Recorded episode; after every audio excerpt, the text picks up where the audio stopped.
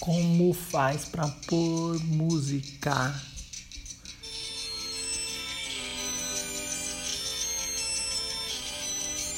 Eu não sei mais colocar música.